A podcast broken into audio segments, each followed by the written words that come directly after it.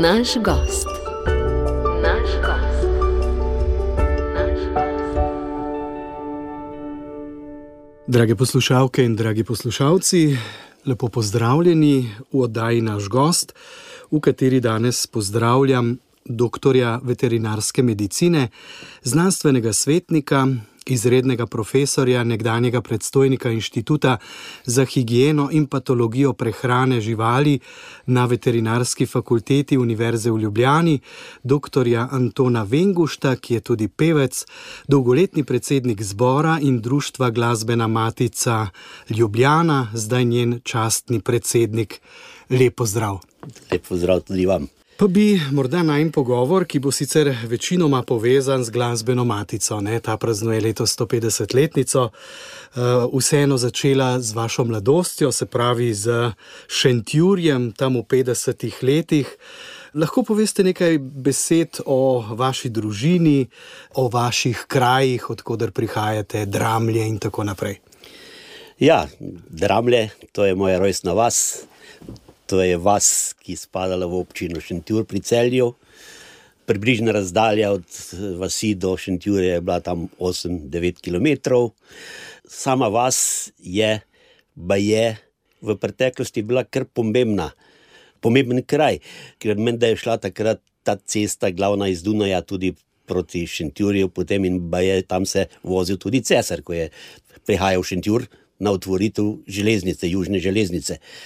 Ampak žal je, potem s to južno železnico je potem so to vas popolnoma zaobšli, ni bila več pomembna in tako je že utarila, pač tako kot je bilo. bilo je po eni strani v redu, po drugi strani pa seveda smo se počutili precej odmaknjeno od središča.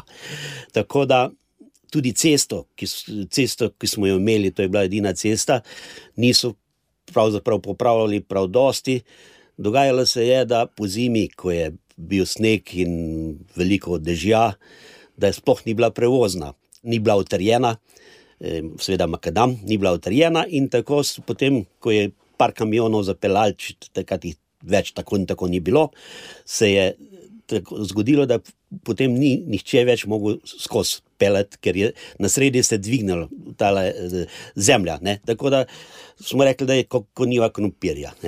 No, to so te osnovne zadeve. Sicer je pa eh, Dramlji je seveda bila okay, verjetno običajna vas, imela je seveda crkv, župnika, eh, osnovno šolo, ki pa takrat, ko sem jaz hodil v šolo, ni bila tako imenovana popolna osemletka, ampak je bilo potrebno za tiste, ki smo hoteli ali pa želeli naprej v gimnazijo, v srednje šole, smo morali eh, zadnja štiri leta hoditi v Šentjur v osnovno šolo, ker tu ni bilo razrednega pouka v Dramljah in eh, tako pač, eh, si, če si hotel kaj več, si moral se presedlati v Šentjur.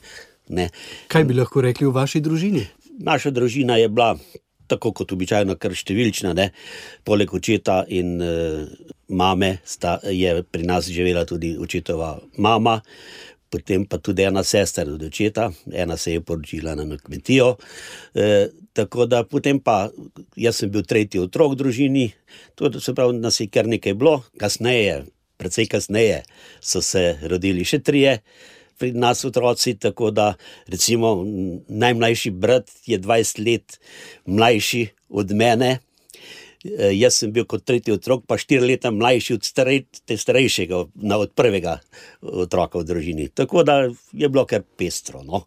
Oče je bil skozi službi, e, mama pa je skrbela za družino, pa tetek, ki je bila pa za tisto posestvo. Imeli smo tako manjšo posestvo, predelovalo se je pač, kar se je dalo doma, e, tudi, tudi seveda, kar se tiče pujsov in takih stvari smo imeli, pa za svoje potrebe.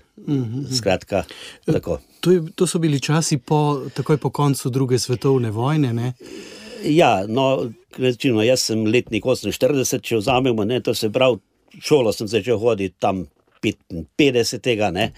E, takrat je bilo seveda vse v znamenju še eh, novih revolucionarnih časov, starejši so bili precej, bi rekel, zaskrbljeni, kaj bo, kako bo, ker tudi so se kazale tiste negativne strani revolucije. Ne. Vršile so se zaplembe, eh, premoženja, posesti in tako naprej. Kdo je kakšno zino, ne. na takšnih je bil tudi moj stric, to se pravi brat od mame, ne, ki je bil mal preglasen in tako so, so, so jim vzeli beko, najboljšo zemljo. E, tako da so pri številnih otrocih, osem so jih imeli, ne, da so pravzaprav revščino tovkli, zaradi takih stvari. Tak, tako je bilo. Ne. Potem je vmes se je takrat dogajalo še to, da so se pojavili v vasi tako imenovani križari. Ne vem, če se kdo kaj to spomni. To je pa, tako so kasneje povedali, to je pa organizirala partija enega sicer domačina. Ne. Z bratom njegovim smo hodili skupaj v osnovno šolo ki je organiziral te vaške fante in njihove sorodnike, da bi se šli v upor proti Novi Jugoslaviji. Ne. In na ta način so zvedeli, kakšna je klima po posameznih hišah, kmetijah in tako naprej. Tam jaz tega, seveda, osebno se ne spomnim, ampak pravi, da potem so hajke delali, vedno so, so jih lovili, ta, ta vodja se je vedno rešil, druge so pa pobijali ne, ali pa zapirali. Tako da je baje tistih. Mladi fantov, ki so bili nekako nasprotniki te, te nove Jugoslavije, da jih je zelo malo ostalo v, v Dramljah takrat. Kako pa je bilo šolanjem? Se pravi, nekaj časa v Dramljah, potem v Šentjurju, potem pa ste se odločili za veterino. Zakaj? Ne, potem sem vmes še hodil v gimnazijo v Celje, no in tam na koncu se je bilo potrebno pač odločiti, kam bi se odločil naprej. Malo sem razmišljal med veterino in pa gozdarstvom, ker to so kraji, kjer je dosti gozda, seveda zelo radi smo imeli tam divjino, gost, živali, pa sem se na koncu odločil za veterino. In potem ste seveda odšli v Ljubljano na veterinarsko fakulteto. Tako je, ne, takrat je bil še veterinarski oddelek biotehnične fakultete.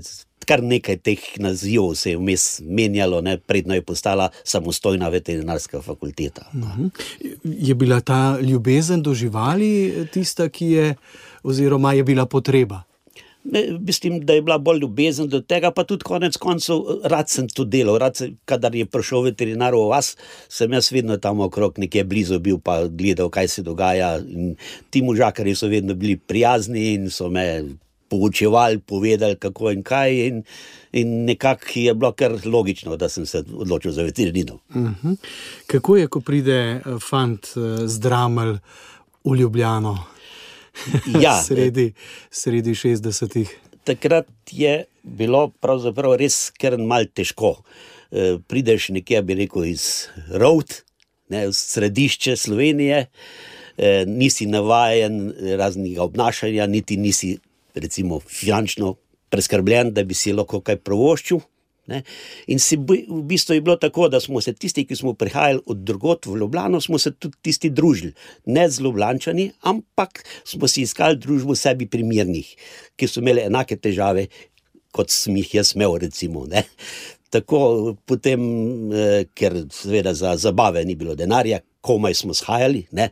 da si prebijal mesec štipendije ni bilo, in tako, kaj ti potem preostalo druga. Poskušal sem se nekje vključiti, no, in ker je en prijatelj, takrat je bil demonstrator na veterini, tudi demonstrator pri, pri predmetu anatomija domačih živali, mi je enkrat povedal, da se ustanavlja tale zbor, akademski pelski zbor Svete Cecilije, ki ga bo vodil, ki ga pripravlja Tomaš Tozon, to je ta znani oktetovec tudi. In da, da če imam voljo, da naj se pridružim, da me bom počakal tam, in smo se na trgu dobili, in me peljal noter.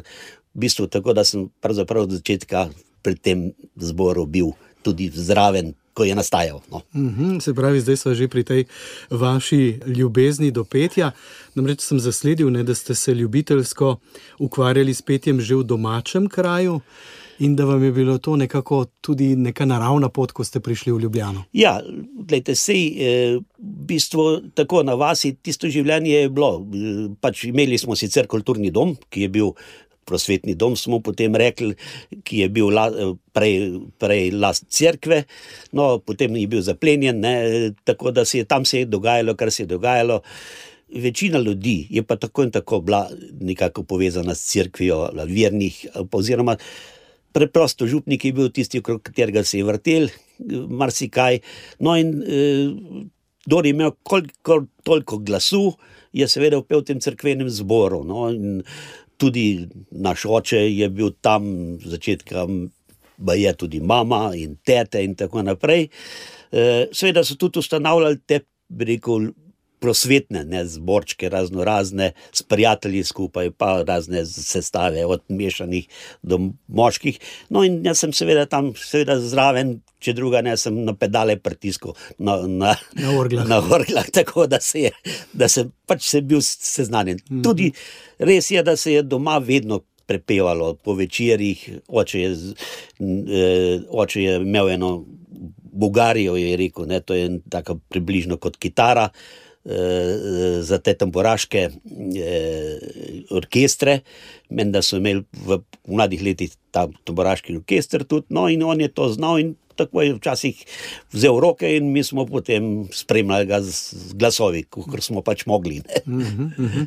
No, preden eh, bova se v celoti posvetila torej vaši eh, pevski karieri in tako naprej, mogoče zaključiva še um, z fakulteto veterinarsko oziroma s tem, da je bil pa vaš oče oziroma vaša družina vendarle tako, kako naj rečem, napredna, ne, da so vas poslali v šole, da so vas podpirali pri tem in da so seveda od vas pričakovali tudi neke rezultate. Ne? Se pravi, ni to tako kot danes, ne, ko prideš na fakulteto in potem 5, 6, 10 let, malce tukaj, malce tam, veliki premori, manjši premori. No, ne povsod, ne, da ne bom posplaševal.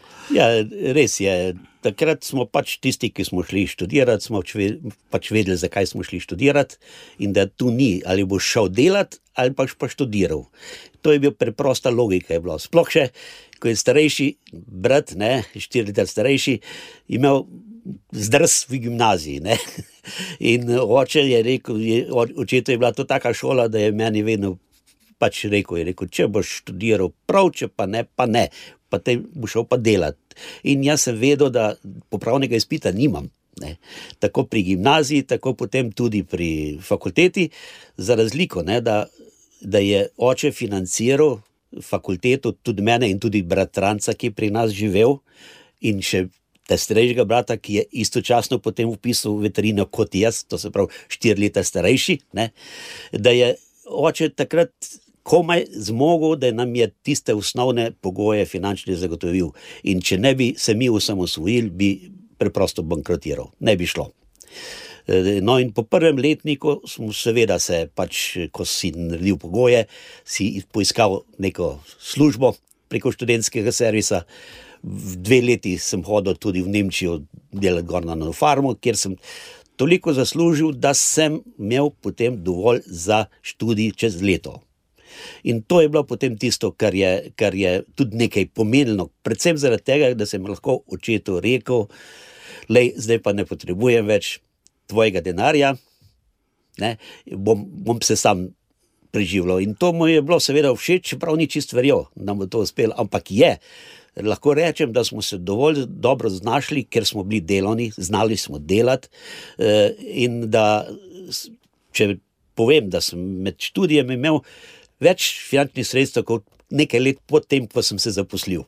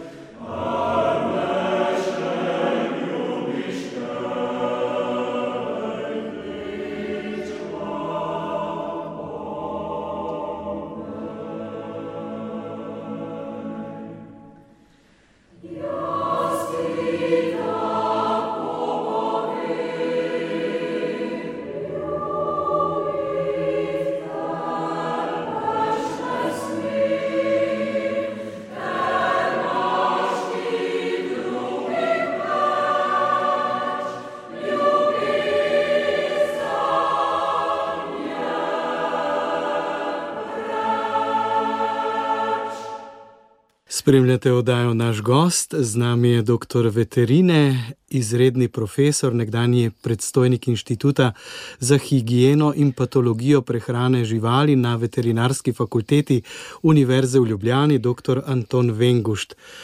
Do njegove vloge pevca in dolgoletnega predsednika Društva Glasbena Matica Ljubljana bomo prišli k malu, ampak še predtem nam boste razložili, nekaj besed o tem vašem strokovnem delu, pa o Inštitutu za higieno in patologijo prehrane živali. E, mogoče kakšen izmed naših poslušalcev tudi ne ve čisto točno, zakaj pravzaprav gre. Jaz sem se seveda malce pozanimal, videl tudi neke strokovne članke, ki ste jih pisali in tako naprej. Bilo je recimo zelo zanimivo, ko sem zasledil, da ste se ukvarjali recimo s tem, da je seveda čisto nekaj drugega, eh, kako skladiščiš, ne vem, meso ali pa zdravila.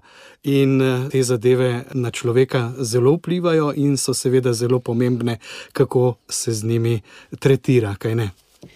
Ja, seveda, pogledajte, eh, v bistvu sem se zaposlil na tem inštitutu zato, ker preprosto, ko sem čakal, da me vzamejo v vojsko, takrat je bilo namreč tako, da je veterina, medicina in še, ne, še nekaj drugih poklicov, da te niso vzeli, dokler niso imeli prostega mesta, službenega mesta v vojski, čeprav smo bili naborniki. Ne?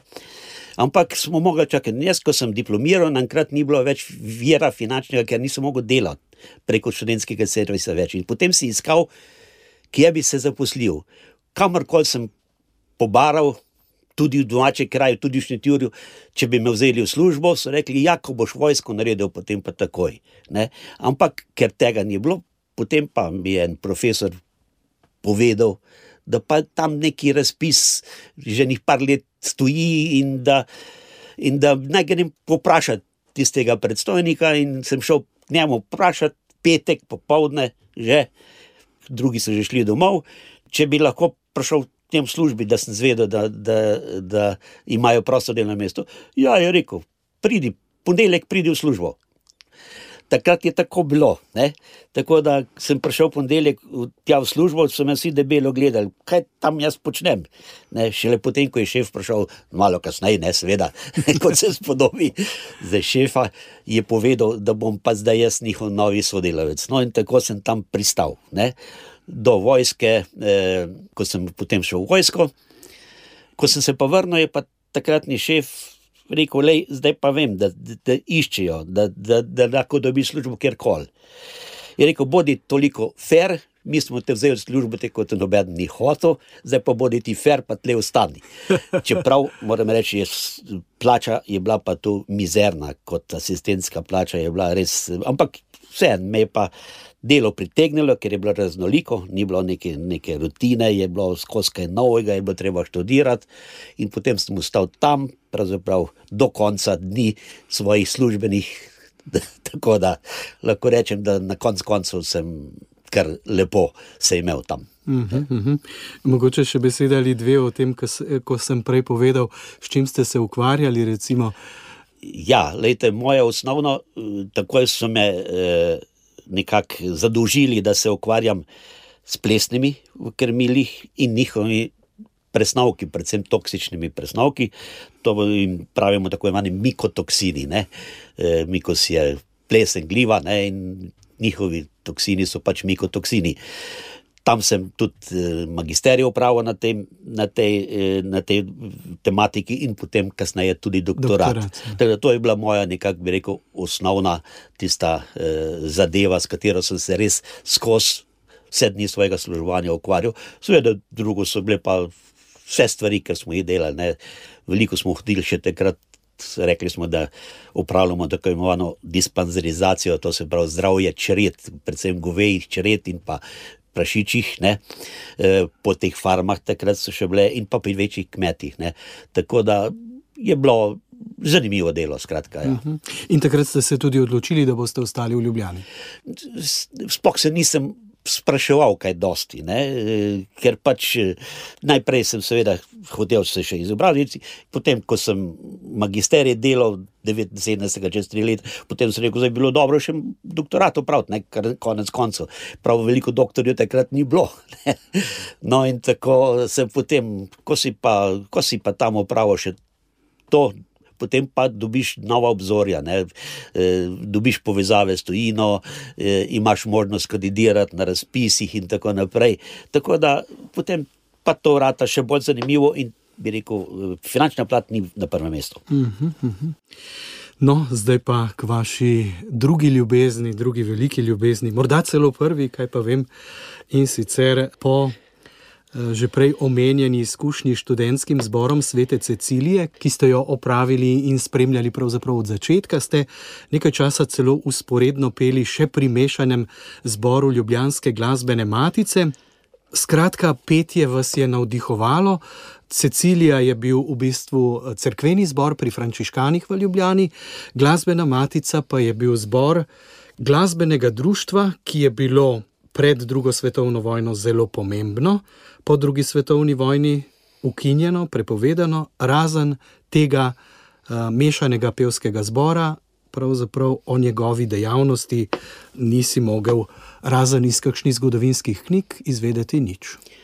Tudi na tej 150-letnici sem pač povedal, da ko smo prišli v glasbeno matico, vsi tisti, ne samo jaz, ne, eh, v glasbeni matici nismo imeli pojma, razen nekaj starejših kolegov, kolegic, ki, smo, ki so še ustrajali tam v tem zboru. Tako da, da pravzaprav si šel samo pomagati, ker ti je prijatelj, ki je tudi pel v Alpaziji Svete Cecilije, prosil, da pridem za tri mesece, rekel, do koncerta, da spravijo ta koncert čez in da vsaj tako naj pridem. No, in tako se je to končalo, da zdaj štejem v matici 43 let, že polni. Tako od leta 1984. Ne, ne, že v 19 ne, 79, 80 sem pravzaprav prvič prišel tist, tisto, tisto leto. Ne. Aha, leta 1984 je bil potem že vaš predsedniški mandat v Matici. Ja, takrat tisti prijatelj, ne, ki, ki mi je spravil matico, ne, je videl, da sem pač. Bi rekel, uporaben, dosta aktiven, da si imel voljo, tudi ideje, in tako naprej. In ko je on uh, odhajal, je rekel, zdaj bi pa ti tole prevzel. Med tem časom sem se seveda že dobro, do dobro seznanil z zgodovino glasbene matice. Najbolj bi rekel, vir, največji vir je bil eh, znani uran z Miklišičeve ceste, Kajfeš Tomislav.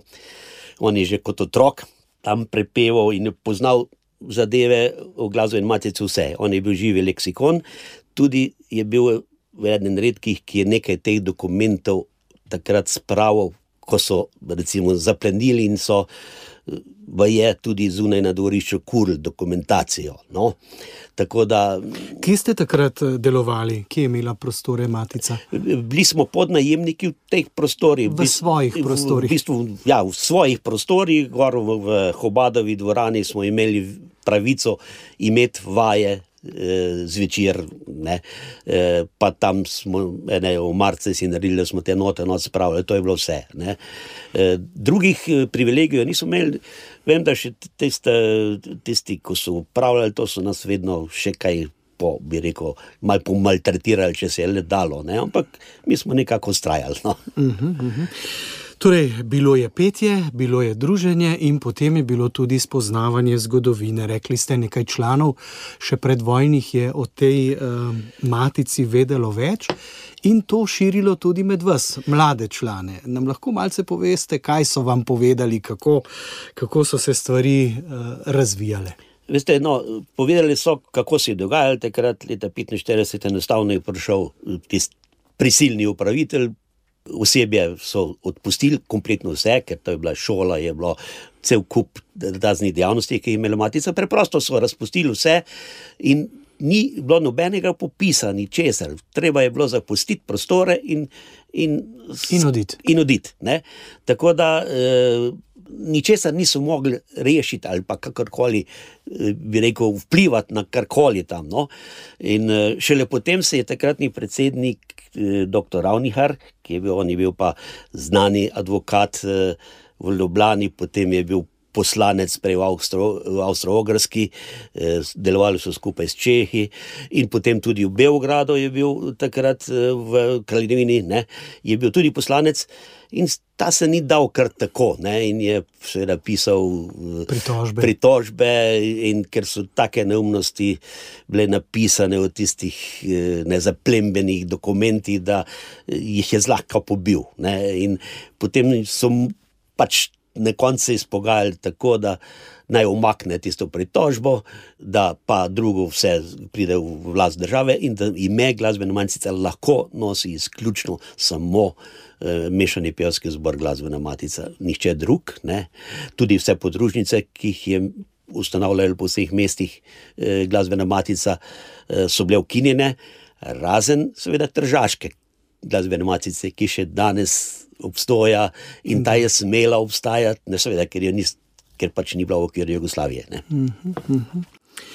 No, kot predsednik zbora in društva Glasbena Matica ste pomembno prispevali k ohranjanju zgodovinskega spomina na eno najpomembnejših predvojnih kulturnih društev, ki je ustanovilo vrsto ustanov, recimo od konzervatorija do glasbene akademije, do filharmonije, oratorijskega zbora, imeli so bogat arhiv, prodajalno, tiskali note in tako naprej. Vse to v zadnjih letih po osamosvojitvi spet prihaja na plano. Po drugi svetovni vojni pa je bila matica pravzaprav obglavljena, razen zbora ni bilo ničesar, kar bi ostalo.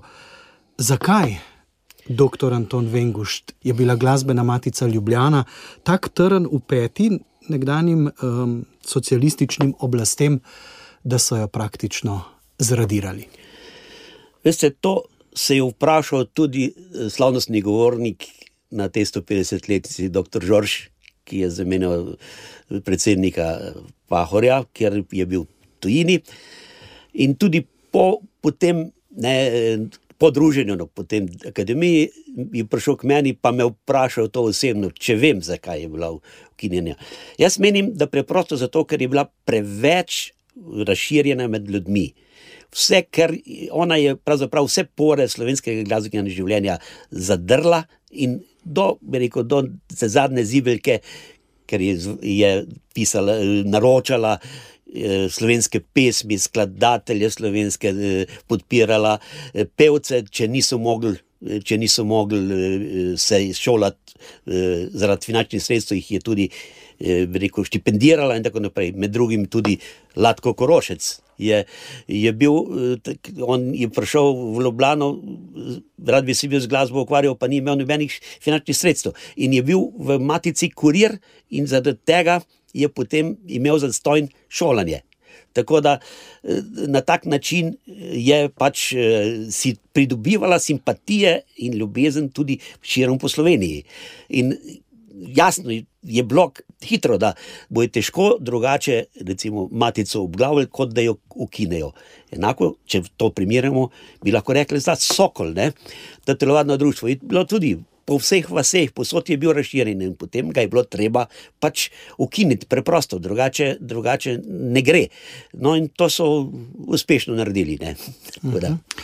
No, malce smo špekulirali, da je bilo mogoče vse skupaj povezano tudi z imenom Aloizija Mava, skladatelja, ki je bil predsednik uh, Matice uh, v času med drugo svetovno vojno in to zadržanje Matice med drugo svetovno vojno, ki naj bi ji ga komunisti zamerili. Lejte, eh, težko bi rekel, ker bili so eni in drugi, Matica nikdar se ni politično opredeljevala. Blaž Arniš, ki je bil poverjenik za kulturo, pri, na zaglasbeno kulturo pri Osvobodilni fronti, je prosil, da je recimo njegovo delo TD-om Matica izvajala med vojno. E, tako da ni bilo. Potem e, zamirili pa so, ne, ker je bila za veliko noč 43. leta izvaj, rekvien, izvajano Tomca. Ne? Ampak to, to je bilo samo zato, da so lahko nekaj navedli, čeprav so tudi vprašali, ali lahko izvajajo ali ne, in so rekli, da naj se sami odločijo. E, APZ, ki je bil tako, bi rekel, potem po vojni Gor vzet. Gorozet, ne, je kasneje šele imel tisti koncert, ne, eh, kot matica takrat, eh, tisti rekvijem. Pa Galo so se je učitelj, ne, očitno tisti pisatelji ne, odloka o razpustitvi niso vedeli niti, kdo je Galos. Ne. E, tako da, ne, verjetno so ga imeli za italijanskega fašističnega skladatelja. To smo tudi, tudi mi navedli, seveda, v tej prošnji za denacionalizacijo.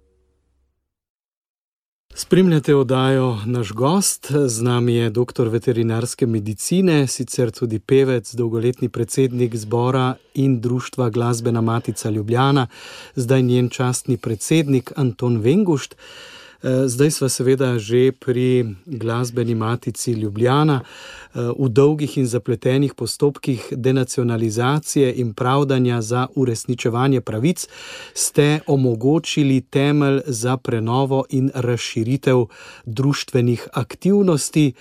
In sicer je bila denacionalizacija med sabo povezanih zgradb na Vegovi 5 in na Gosposki 8 v Ljubljani, v katerih je delovala srednja glasbena in baletna šola v Ljubljani, sploh prva uspešna denacionalizacijska zgodba. Pa bi nam morda povedali nekaj o ozadju tega problema.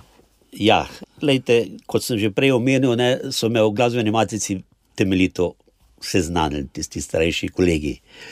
Pa tudi sam, pač seveda na besede ne verjameš prav dosti in začneš brskati po papirjih, knjigah, časopisih starih, tudi pri nas doma sem dovolj tega materijala našel, da sem dejansko ugotovil, kaj je to bila glasbena matica in kaj je predstavljala. Če so imeli v Dramljah na vasi revije, kjer je bila glav, glav, glavni, glavna glasbena matica in tako naprej. Ne. No, in eh, seveda, eh, ko se je začelo svitati, rekel, nova revolucija, ne, v tem času smo si, si tudi osebno že nabral dovolj razno raznih prijateljev, od pravnikov do drugih eh, zvrsti, eh, ne, stroke. In ko smo se dobili pri pijači in začeli razmišljati, kaj, kaj se bo zgodilo, ne, da se pripravlja zakon o denacionalizaciji, smo preprosto, ker v enem bifeju se odločili, da gremo v V to zgodbo. to zgodbo. In smo šli, trije, smo se, možakari smo se zbrali, en pravnik, en ekonomist in jaz. Sveda smo to uradno požegnali na, na občinem zboru mešanega pevskega zbora. In smo začeli. Takrat še zakona ni bilo o denacionalizaciji, še zunaj. In tudi predlog ni dajal pravice za denacionalizacijo društvom. E, Mi smo zato vložili že takoj, predno je bil zakon izdan, smo vložili prvo vlogo za denacionalizacijo, ker smo računali, da bi pa mogoče lahko prišlo do spremembe zakona. Ne?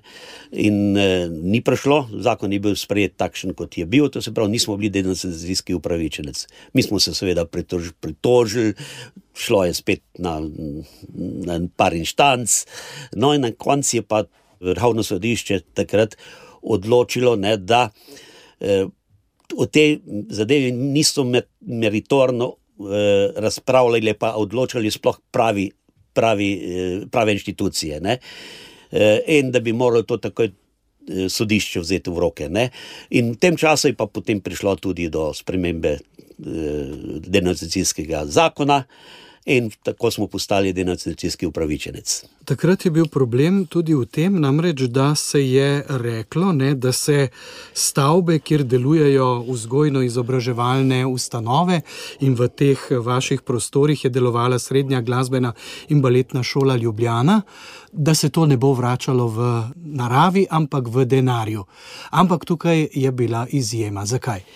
Zdaj ne vem, če je bila izjema, ampak tam zakon je pravi, da da se naj ne bi izvajale druge dejavnosti. Glasbeni matici je pa ta šola bila zaplenjena kot šola. To se pravi, ni šlo za spremembo dejavnosti, šlo je samo za spremembo naslova. Prej je bila eh, glasbena šola glasbene matice, potem je pa postala samo glasbena šola. Ne? In mi smo, seveda, na prvem mestu pač ustrajali na tem, da ne vidimo nobene uvire za vrnitev v naravi. Eh, seveda, podrejeno smo pa seveda tudi, biti, biti tudi pristali na to, da bi dobili ali te delice ali po denarju. Vendar se je tudi takrat ta, eh, ta eh, ki je bedel nad vrnitvijo premoženja v naravi, ugotovil, da tu pri nas ni uvir za vrnitev v naravi. In to, to mnenje smo seveda potem s pridom izkoristili in smo šli pač naprej z to zgodbo.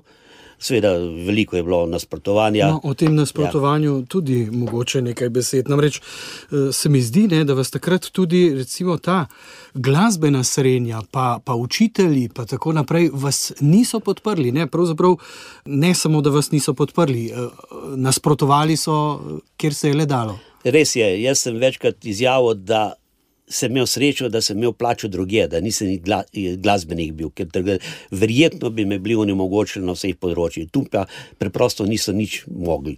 Čeprav smo skozi razlagali, da ne bomo nobenega ven metal, da pač želimo pridobiti nazaj toliko premoženja, da bomo lahko glasbeno matico pač postavili zopet na noge, delno, seveda, ne popolnosti in da in da se bomo ukvarjali z tistimi dejavnostmi, ki niso pokrite z rekel, to državno ali pa mestno, uh, mestno politiko. Uh, ampak uh, to je bil Bob obstena. To, to so bile prave hajke, tudi v srednji glasbeni v letni šoli. Seveda, glavno, glavno, glavno je vodil to takrat uh, ravnatelj Tomaš Buh. Uh, in zanimivo je bilo, ne, da je veliko teh sorodnikov njihovih ali pa tudi učiteljev prepevalo tudi v zboru, kjer sem jaz bil. Ne. In vem, da so me, recimo, brat, me, brat od ravnatelja me je prav napadel, kaj delam, da uničujem slovensko glasbeno šolstvo in tako naprej. Pa se ni dalo dopovedati, da, da sploh temu ni tako, da sploh ni res, da jaz rešujem glasbeno šolstvo. Ne. In ravno zaradi tega je prišlo tudi do nove srednje glasbene velitne šole, ki so jo zgradili tam v botaničnem vrtu. Eh, ker ti prostori niso bili niti zadostni, niti, niti več tako upremljeni, da bi lahko bili eh, zadostili trenutnim razmeram. In poskušali smo skozi pritiskati na državo in mesto, da zgradi novo šolo skupaj z eh, ravnateljem. To smo se skozi v tem pogovarjali, vendar on je to širil svoje, svojo resnico. Tudi, tudi drugače. No, ampak, eh, seveda, eh, jaz sem prevzel vse te kritike na svoj račun, zelo mirno, brez vsakih posledic zase, seveda. Ker ste bili drugi v službi. Ker sem bil drugi v službi in tako smo to zadevo pripeljali potem tudi do konca. No, eh, zdi se mi zelo pomembno tudi, da ste s tem, ko ste seveda dobili te prostore nazaj v posest, prišli nazaj recimo tudi tja, kjer je recimo posegel s svojim delom, recimo Plečnik. Ne? Namreč Plečnik je za Matico takrat izdelal uh, načrt, uh, tudi ta promenada slovenskih ja. skladateljev je po njegovih zamisli postavljena. Ja, Matica in Plečnik sta bila, kar bi rekel, povezana. Zdelo je tudi, Matica je naročila tudi nov, njegov načrt za ta novi Odeon, za takrat, če rečemo, da je danes Cankarjo dom, ki imamo še ta original, imamo še v Matici, ne, njegov, tam za Rušelinsko crkvo naj bi bilo tista zgradba. No, ampak to je bilo. E, ni pa on dokončal e, te promenade, ampak so to že njegovi, njegovi učenci, potem tudi. Fasado, tole spredi na, na Vegovi, so to izdelali na, na koncu njegovi učenci, ker je prišlo namreč do posedanja te, te, te fasade sprednjega dela na Vegovi, ker je menda so temelji stali na rimskem vodovodu, to je akvaduktu. In to so tam 54. leta, so v bistvu tri metre stavbe od, odstranili in postavili na novo eh, fasado, in to so pa potem tudi njegovi učenci pač tako iz, izdelali kot jaz, uh mhm. -huh. še danes. Ja. In zaradi tega posega so seveda tudi osporavali vrnitev prostorov v, v naravi. Ne? Ja, ampak ne takrat, kot je bil čas za to, ne, ne v času denacionalizacije. Ampak potem, ko smo se pogovarjali o, o najemnini za te prostore. Mi smo, mi smo bili lastniki eh, teh dveh hiš od leta 98 naprej. Takrat je bilo pravnomočno to sklenjeno in smo bili upisani v zemljiško knjigo. Do takrat nihče ni postavil vprašanje vlaganja države in mesta v te stavbe. Jaz o tem ničesar nisem vedel, nismo, mi nismo imeli nobenih podatkov o tem, kaj so vložili. Če bi takrat to imeli, ne, verjetno bi se to drugače končalo. Ampak ker smo se mi potem od leta 98 pa do leta 2006 borili za to, da od tega nekaj dobimo, da, prav, da, da dobimo z najemom teh prostorov nekaj denarja, ampak najemnino, da plačajo najemnino. In takrat se je šele to pojavilo, ker je bil en sodni izvedenc, pač je nekje zvrtal da to ni več ista stavba, ta na Vegovi, ampak da je to čist nekaj drugega, ker je bilo takrat obnavljano. No? In takrat so takoj spet potem eh, vložili za revizijo, za, za denacizacijo, ki je bila pa seveda brezpredmetna. Ker če je tisti denacizacijski zavezanec, ki je obnavljal to stavbo, ni vedel o tej obnovitvi ničesar, čeprav je njihovem arhivu to vse bilo navedeno, mi seveda tega nismo imeli. Ne? In potem je sodišče tudi ugotovilo, da to so si pa sami krivi, če niso takrat teh dokumentov našli. Ne?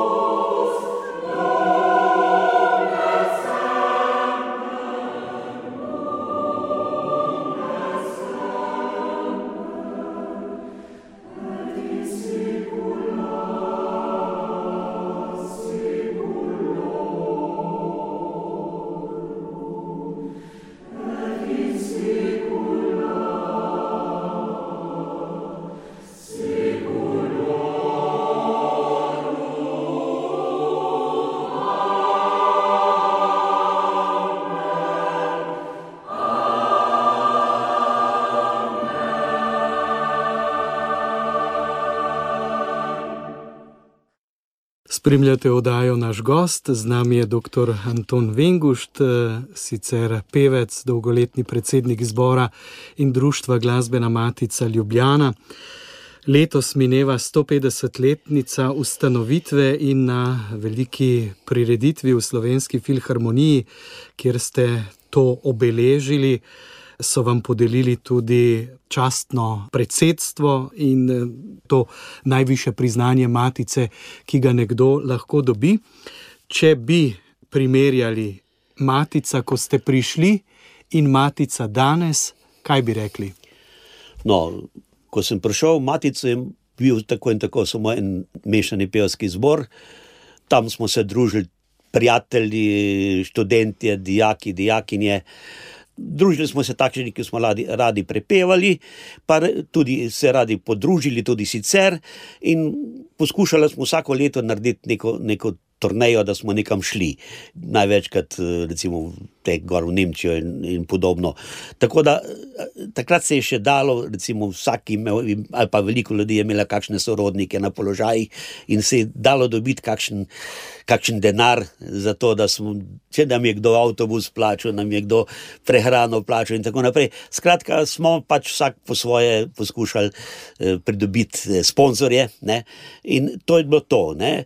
Eh, denarja drugega preprosto ni bilo. In tudi matica ni bila perspektivna, tudi za, za strokovni kader, za kakšne, bi rekel, dobre zborovodje. Ne. Po Cudermanu, takrat, ko sem prišel pod dr. Cudermanu, pravzaprav je matica životarila, ne, ker nisi mogel dobiti več kvalitetnega eh, zborovodja, ker ga tudi nisi mogel plačati. Eh, no, šele potem, ko je prišel eh, Janez Jocif, to je bil mlad, nedobuden zborovodja, eh, ki je potem bil deset let eh, zborovodja in ta je precej dvignil kvaliteto zbora. Potem, kar precej je naredil tudi Baki Jašari, to je dol iz, iz Kosova, ki je pri nas študiral in je bil zelo sposoben in je tudi potem prosperiral zelo dobro zdaj doma na Kosovo. No, potem pa je prišel za deset let pa Tomaš Tozon. In ta je ta zbor zopet, kot on zna, tudi po številču, ne, tako da se, je, da se je začelo zopet, zopet slišati v tem zboru, in, in uh, da smo post, bili postavljeni zopet na, bi rekel, na ta nivo, kot ga je, vsaj približno tam, ki ga je imel v preteklosti ta zbor. No. Uh mhm. -huh.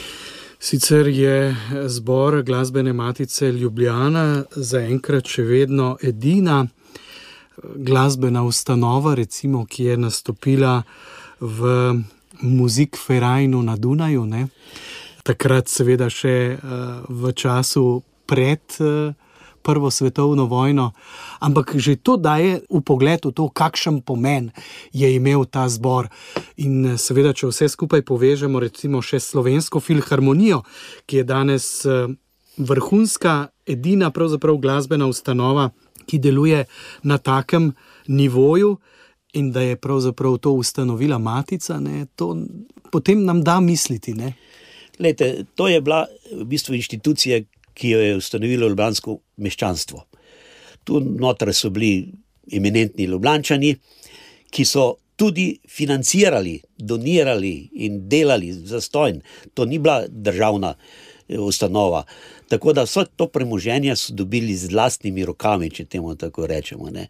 In ne samo ta, ta njihov uspešni nastop, recimo v eh, Muzik Ferajnu eh, na Dunaju, ampak treba je še nazaj. Ko, je, ko je bila turneja po Franciji, takrat se je, to je bila 30. leta, 29-30, takrat je, so francozi prosili, če lahko posnamejo ta zbor in imamo prvo, pravzaprav fon, fonetski zapis dveh skladb, ki smo ga zdaj celo pridobili. Rečeno je bilo, da takrat se je pač slabo pelo in da je bilo sigurno za neč in tako naprej, vendar je naša predsednica preko svojega prijatelja iz Francije prišla do tega posnetka in je naravnost čudovit posnetek. Ko bi, bi rekel, danes noben ga ne bi bilo sram, če bi kaj takega zapel, kot so takrat zapeli v Franciji. No.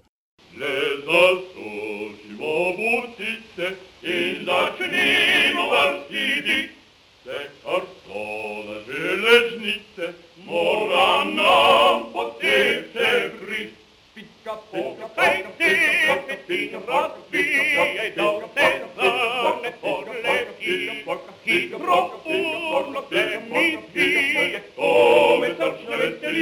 picca poca picca poca picca poca picca Pica-pau, pica-pau, pica-poca, pica-pau, pica-poca, pica-poca, pica-poca, pica-poca, pica-poca, pica-poca, pica-poca, pica-poca, pica-poca, pica-poca, pica-poca, pica-poca, pica-poca, pica-poca, pica-poca, pau.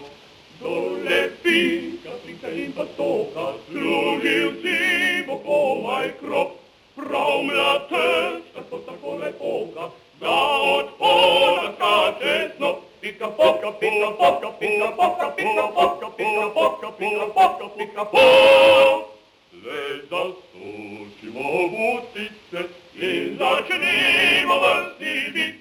Се картоле жележнице, мора нам потице крит.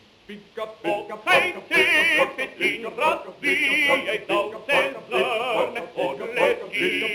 Hitro urno se mi zvije, to me drž veseli. Pika, pok, pika, pok, pika, poka, pika, pok. pica pão, pica pão, pica poca, pica pão, pão, pica poca, pica poca, pica poca, pica poca, pica poca, pica poca, pica poca, pão, pica poca, pica poca, pica poca, pica poca, pica pica poca, pica poca, pica poca, pão.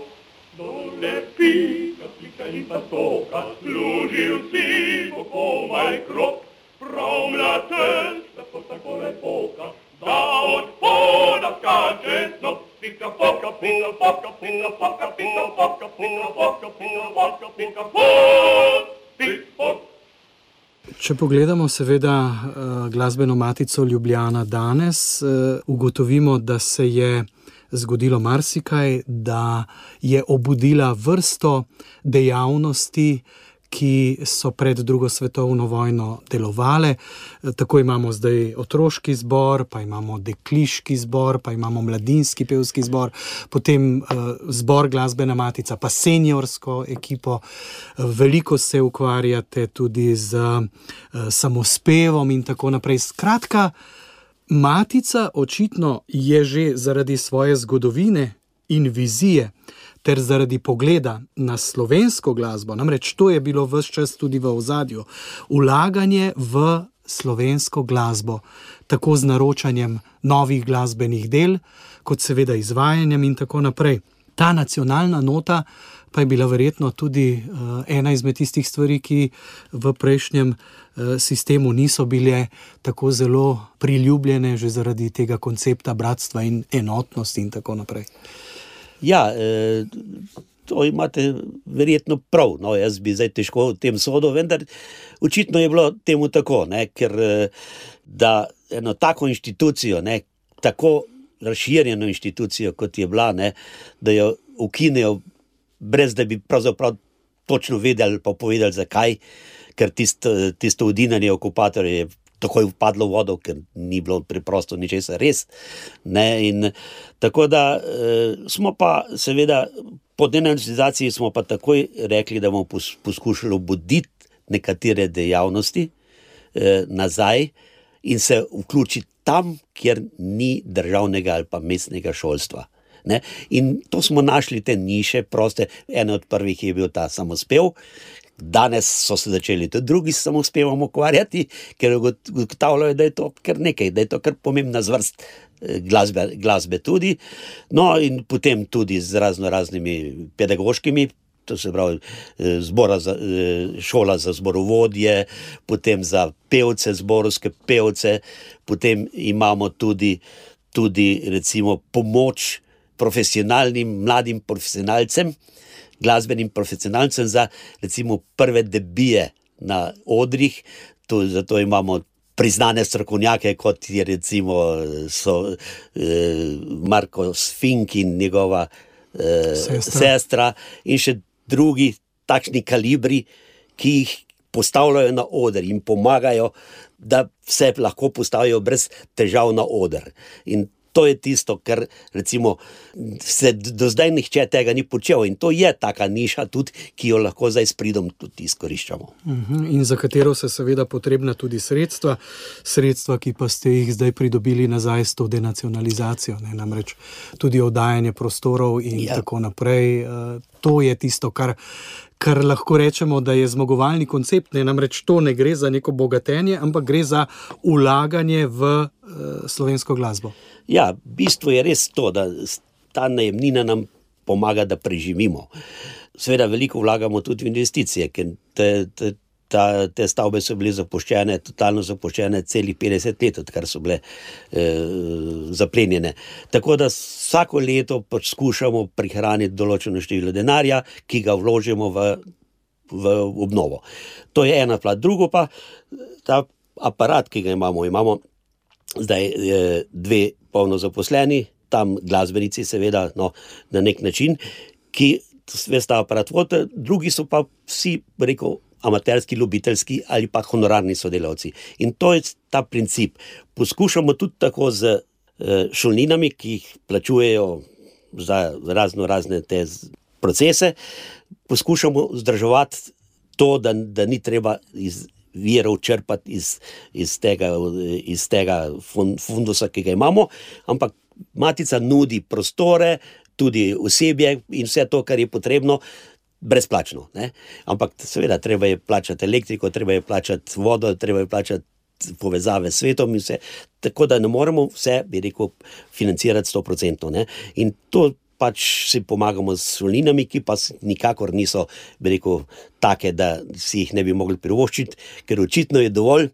Dovolj interesa, da, da je včasih kar težko vse sprijeti, ki želijo kakšen pouk v glasbeni matici.